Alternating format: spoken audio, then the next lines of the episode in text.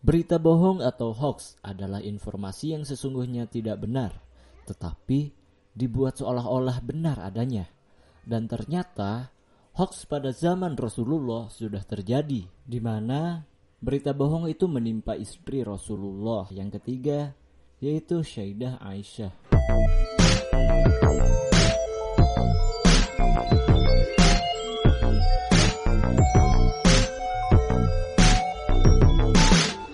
Assalamualaikum warahmatullahi wabarakatuh Teman-teman semuanya nih yang dengar podcast ini Apa kabar? Semoga nggak baik-baik aja ya Tapi baik-baik banget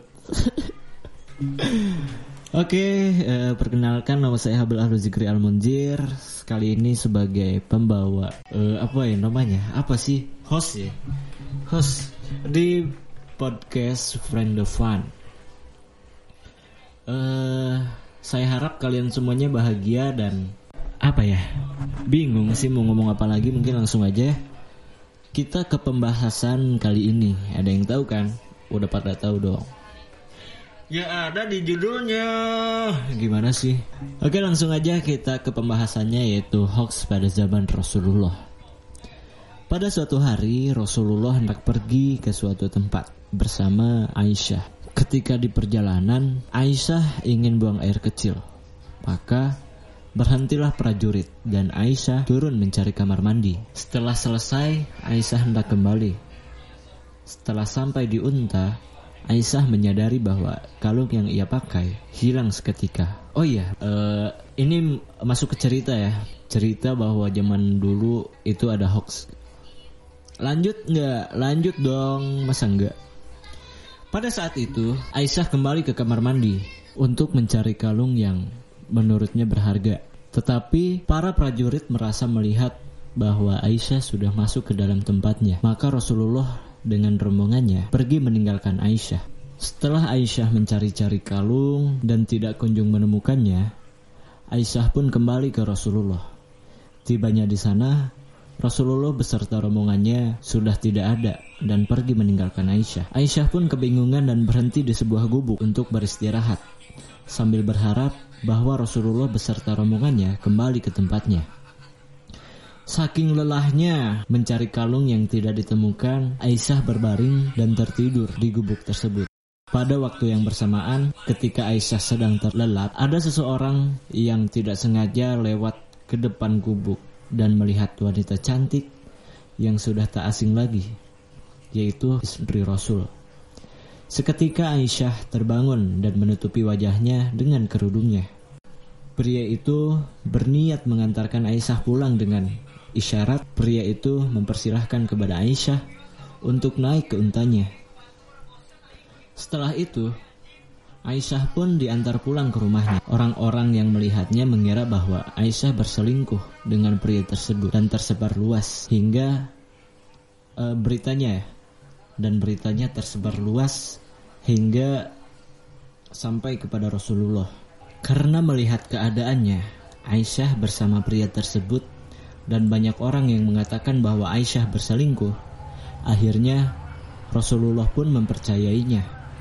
Aisyah yang saat itu mendengar Rasulullah percaya pada rumor tersebut, maka alhasil Aisyah tidak pulang ke rumah dan pulang ke rumah ayahnya. Di sana Aisyah merasa sangat sedih karena nama baiknya menjadi buruk. Tuh. Hal ini juga kan e, di apa ada di dalam Al-Qur'an surat An-Nur ayat 11 yang isinya إن الذين جاءوا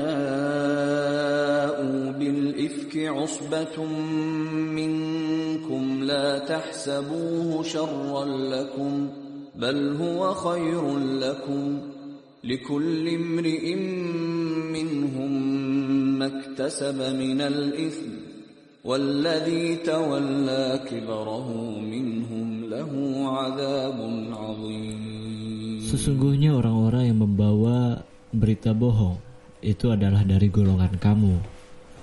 Janganlah kamu mengira berita itu buruk bagi kamu, bahkan itu baik bagi kamu. Setiap orang dari mereka akan mendapat balasan dari dosa yang diperbuatnya. Dan barang siapa di antara mereka yang mengambil bagian besar, dia mendapat azab yang besar. Beralih dari penjelasan hukum, Allah lalu mengisahkan salah satu kasus yang menimpa keluarga Nabi yang lazim disebut Iz al-Ifh, berita bohong. Ayat ini mengencam mereka yang tanpa bukti menuduh Aisyah berbuat zina dengan F1 bin Mu'ayyal. Sesungguhnya orang-orang yang membawa dan dengan sengaja menyebarluaskan berita bohong itu adalah dari golongan kamu juga. Janganlah kamu mengira berita bohong itu buruk bagi kamu, bahkan itu baik bagi kamu. Karena kamu dapat membedakan siapa yang munafik dan siapa yang mukmin sejati. Setiap orang dari mereka yang menyebar berita bohong akan mendapat balasan sesuai kadar dari dosa yang diperbuatnya.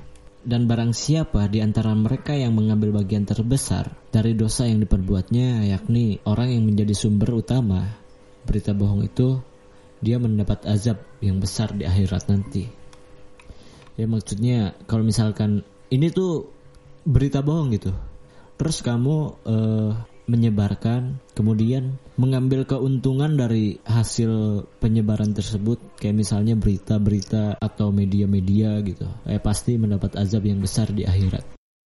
Di situlah Rasulullah memanggil pria yang bersama Aisyah dan orang yang menuduh Aisyah berselingkuh. Lalu dijelaskan dan pada akhirnya Rasulullah pun sadar bahwa beliau salah mengira dan tidak menyaring berita tersebut.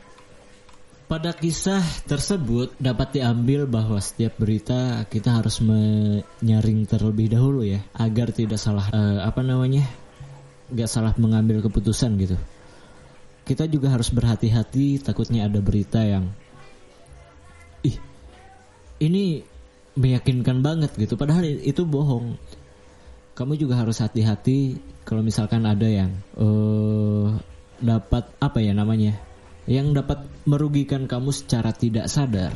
Seperti yang mungkin uh, ada banyak ya di WhatsApp yang menyebarkan link-link gak jelas itu yang mungkin kamu juga harus tahu sumbernya dari mana.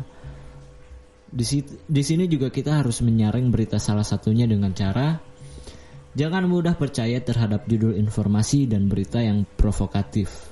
Cermati berita tersebut. Periksa fakta-faktanya, cek keaslian dan berita tersebut. Kalau misalkan kamu nggak tahu, oh ini tuh apa namanya berita asli loh, ini berita asli atau hoax gitu. Ya mungkin kalian juga bisa cari sumbernya yang relevan lah buat diambil keputusan gitu. Itu mungkin ya uh, pembahasan kali ini kalau misalkan kalian eh, pesannya apa ya? Yaitu kita jadi gak, gak boleh mudah percaya terhadap judul informasi gitu aja sih. Uh, cukup sekian mungkin dari saya Habil Ahlul Zikri Al Pamit undur diri. Assalamualaikum warahmatullahi wabarakatuh